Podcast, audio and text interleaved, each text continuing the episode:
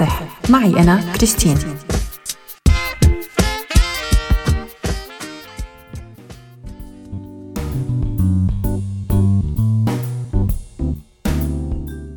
مرحبا. حمية كيتو وحمية ميتو وحمية على مدري شو. هاي شغلات صرنا كتير نسمعها من اليوم ومن سنين الهجرة واللجوء. الحقيقة الهجرة واللجوء غيروا كتير شغلات بحياتنا اليومية وعاداتنا الغذائية.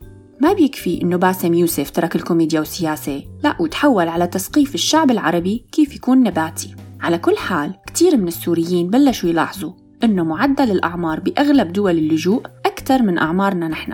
فبسوريا الستيني ختيار ويلي بيوصل للثمانين الله مطول بعمره ومنعمل حلقات ومسلسلات وبرامج على أشخاص تجاوزوا التسعين.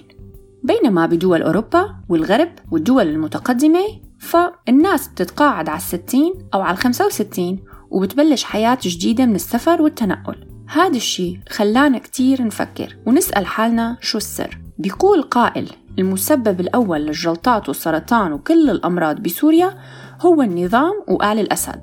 بس هاد مو حديثنا. عم نحكي عن العادات الغذائية يلي تغيرت عند الإنسان السوري ببلدان اللجوء. بس هون حابة أقول إنه بفقرة اليوم بعكس الفقرات السابقة يلي منعتمد فيها على دراسات ومقالات أجنبية بالموضوع. هالمرة عامرو عمل دراسة صغيرة بالاستعانة ببعض الأصدقاء من الأطباء واستبيان صغير لنوصل لهي النتائج.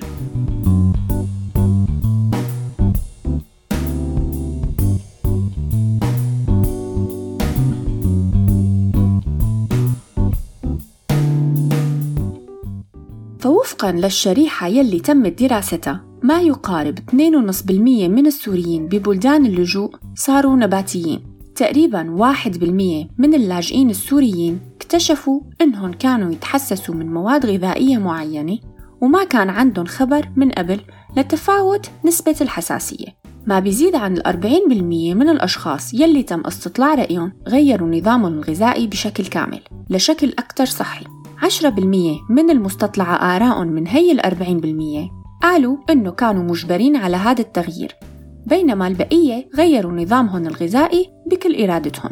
أما كيف صار هذا التغيير طبعا بيقولوا الأصدقاء يلي شاركوا بهي الدراسة إنه بالبداية كان الموضوع كتير صعب. فمع عدم توفر مواد غذائية صحية بشكل دائم ببداية فترات اللجوء ويلي بيكون الوضع فيها صعب ما كان في خيار. بس مع مرور الوقت ببلش الشخص بيتأقلم مع الوضع المحيط وبيختار عاداته الغذائية بشكل كتير حريص. ومن هون بلش التغيير بالعادات الغذائية ومن طريقة الطبخ بالقلي للشوي ومن السلق بالمي للبخار ومن الطبخ لأوقات طويلة للحفاظ على نكهة الخضار والطبخ بأوقات أقل.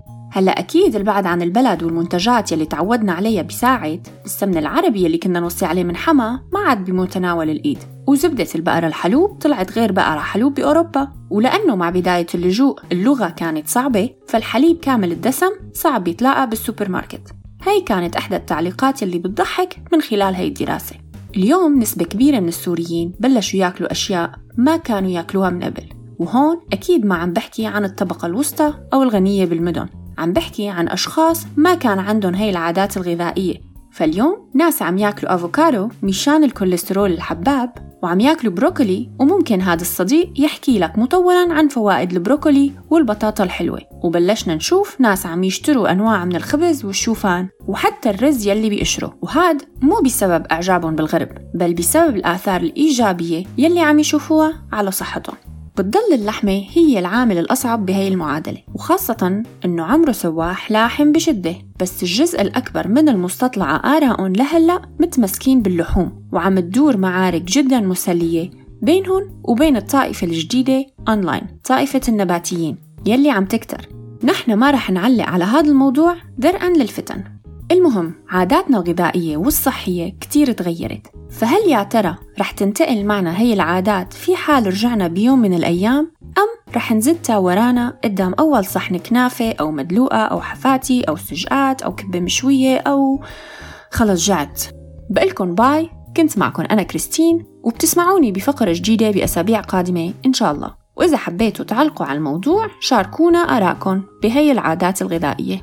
bye. صح صح معي أنا كريستين.